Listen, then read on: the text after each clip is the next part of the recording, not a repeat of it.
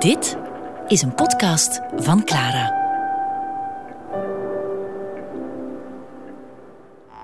Rubens. Een portret aan de hand van schilderijen, tekeningen, brieven en plaatsen.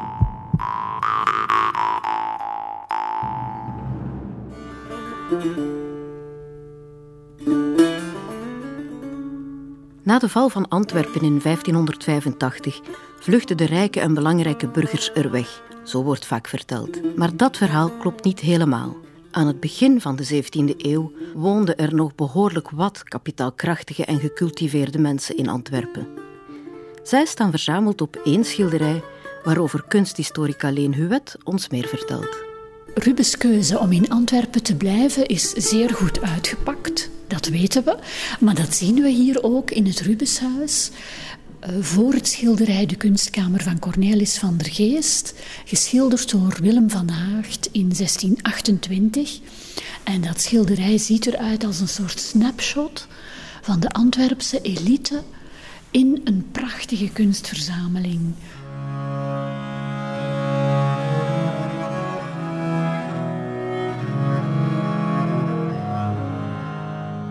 Op het schilderij van Willem van Haagt zien we dus het milieu waarin Rubens belandde na zijn acht jaar durende verblijf in Italië. Maar waarom kwam hij terug naar Antwerpen en vooral, waarom bleef hij?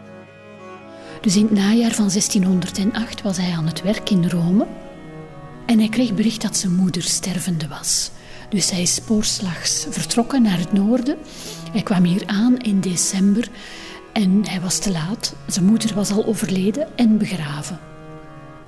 Hij is toen gebleven voor het huwelijk van zijn broer, dat in het voorjaar van 1609 plaatsvond. En hij schreef in die periode nog wel brieven naar vrienden in Rome. En daarin lees je dat hij eigenlijk twijfelt. Want hij krijgt veel vragen vanuit Rome. Wanneer kom jij terug? Je hebt hier nog werk. Grote opdrachten zelfs. Belangrijke opdrachtgevers. Maar tegelijkertijd voel je dat die Antwerpse elite wakker wordt en denkt: we hebben hier nu een kunstenaar die volledig up-to-date is, met alle mogelijke kennis vanuit Italië. We hebben zo'n mensen hier nodig, we moeten zorgen dat hij hier blijft. Dus Rubens schrijft ook letterlijk: Ik krijg uh, vleiende aanbiedingen van de aartshertogen en van verschillende burgers van Antwerpen. Laten we nog eens terugkeren naar het schilderij De kunstkamer van Cornelis van der Geest. Links onderaan Cornelis van der Geest, een rijke koopman die in de Mattenstraat woonde in Antwerpen. Hij was een groothandelaar in specerijen en een ja, zeer uh, smaakvolle kunstliefhebber. En op dit schilderij zien we een belangrijk moment uit zijn verzamelaarsloopbaan. Hij bezat een beroemd schilderij van uh, Quinte Metsijs. En hier toont hij dat schilderij aan zijn hoge gasten, de aartshertogen Albrecht en Isabella. En het schilderij wordt aan hen getoond door Cornelis, maar ook door twee kleine jongens die misschien de zoontjes van Rubens zijn. Want Rubens staat bij de aartshertog en geeft uitleg over de kwaliteiten van het schilderij. En zijn oudste zoon Albrecht ja, was het petekind van aartshertog Albrecht. Achter de stoel van de aartshertogin staat Nicolaas Rocox, die eigenlijk alle belangrijke functies, politieke functies in Antwerpen heeft vervuld. En die meteen ook wist, die signor Rubens, die moeten wij opdrachten geven. Wat waren die eerste grote opdrachten van Rubens in Antwerpen?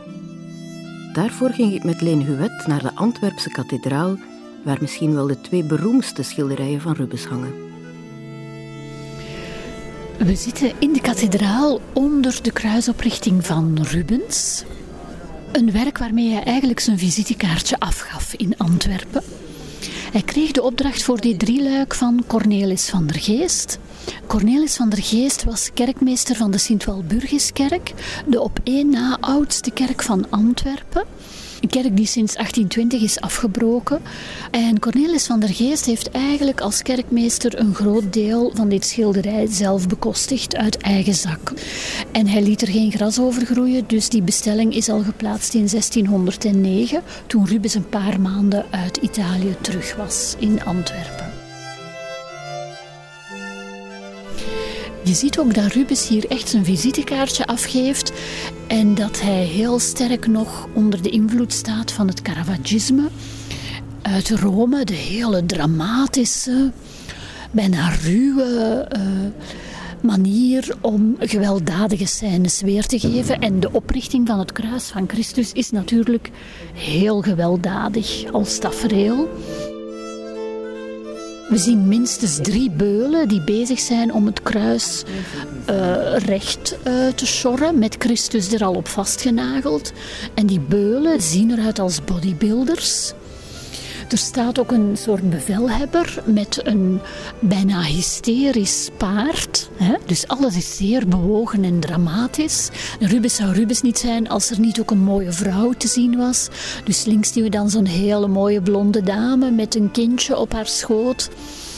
Het kind wordt nog uh, gezoogd. Want Rubens verwerkt ook altijd wel iets van schoonheid in dergelijke tafereelen.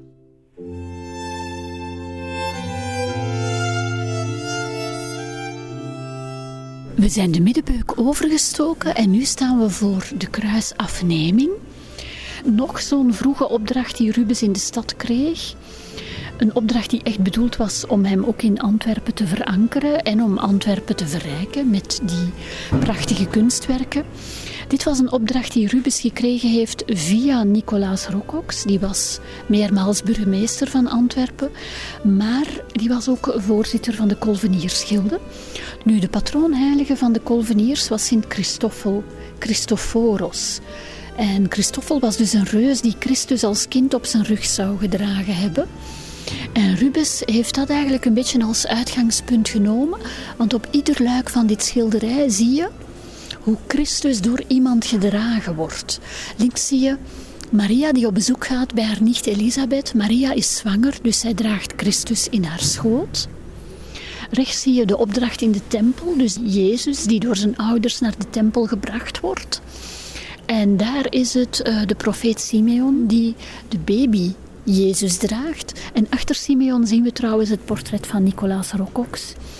En centraal zien we dan ja, alle vrienden en volgelingen van Jezus die hem dragen terwijl ze hem van het kruis afnemen.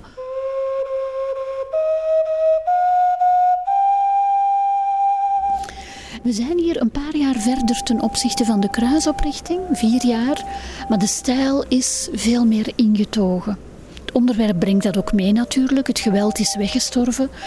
Rubens heeft hier ook een aantal heel mooie vrouwenportretten. Maria Magdalena, Maria Johannes in zijn prachtig rood gewaad, zijn voet op het trapje, de ladder waarop andere mensen ook staan om echt dat lichaam voorzichtig van het kruis los te maken. De man bovenaan die de lijkwade eigenlijk in zijn mond tussen zijn tanden vastklemt, omdat hij ook nog de arm van Christus moet vasthouden. Rubens is hier veel rustiger en op dat elan, eh, die meer klassieke stijl, gaat hij dan toch een paar jaar door.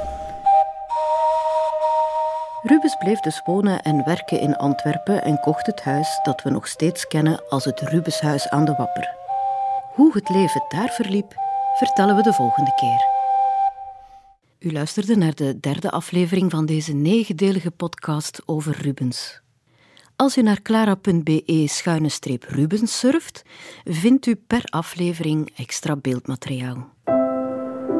Ontdek ook onze andere podcasts via clara.be. Clara Podcast. Blijf verwonderd.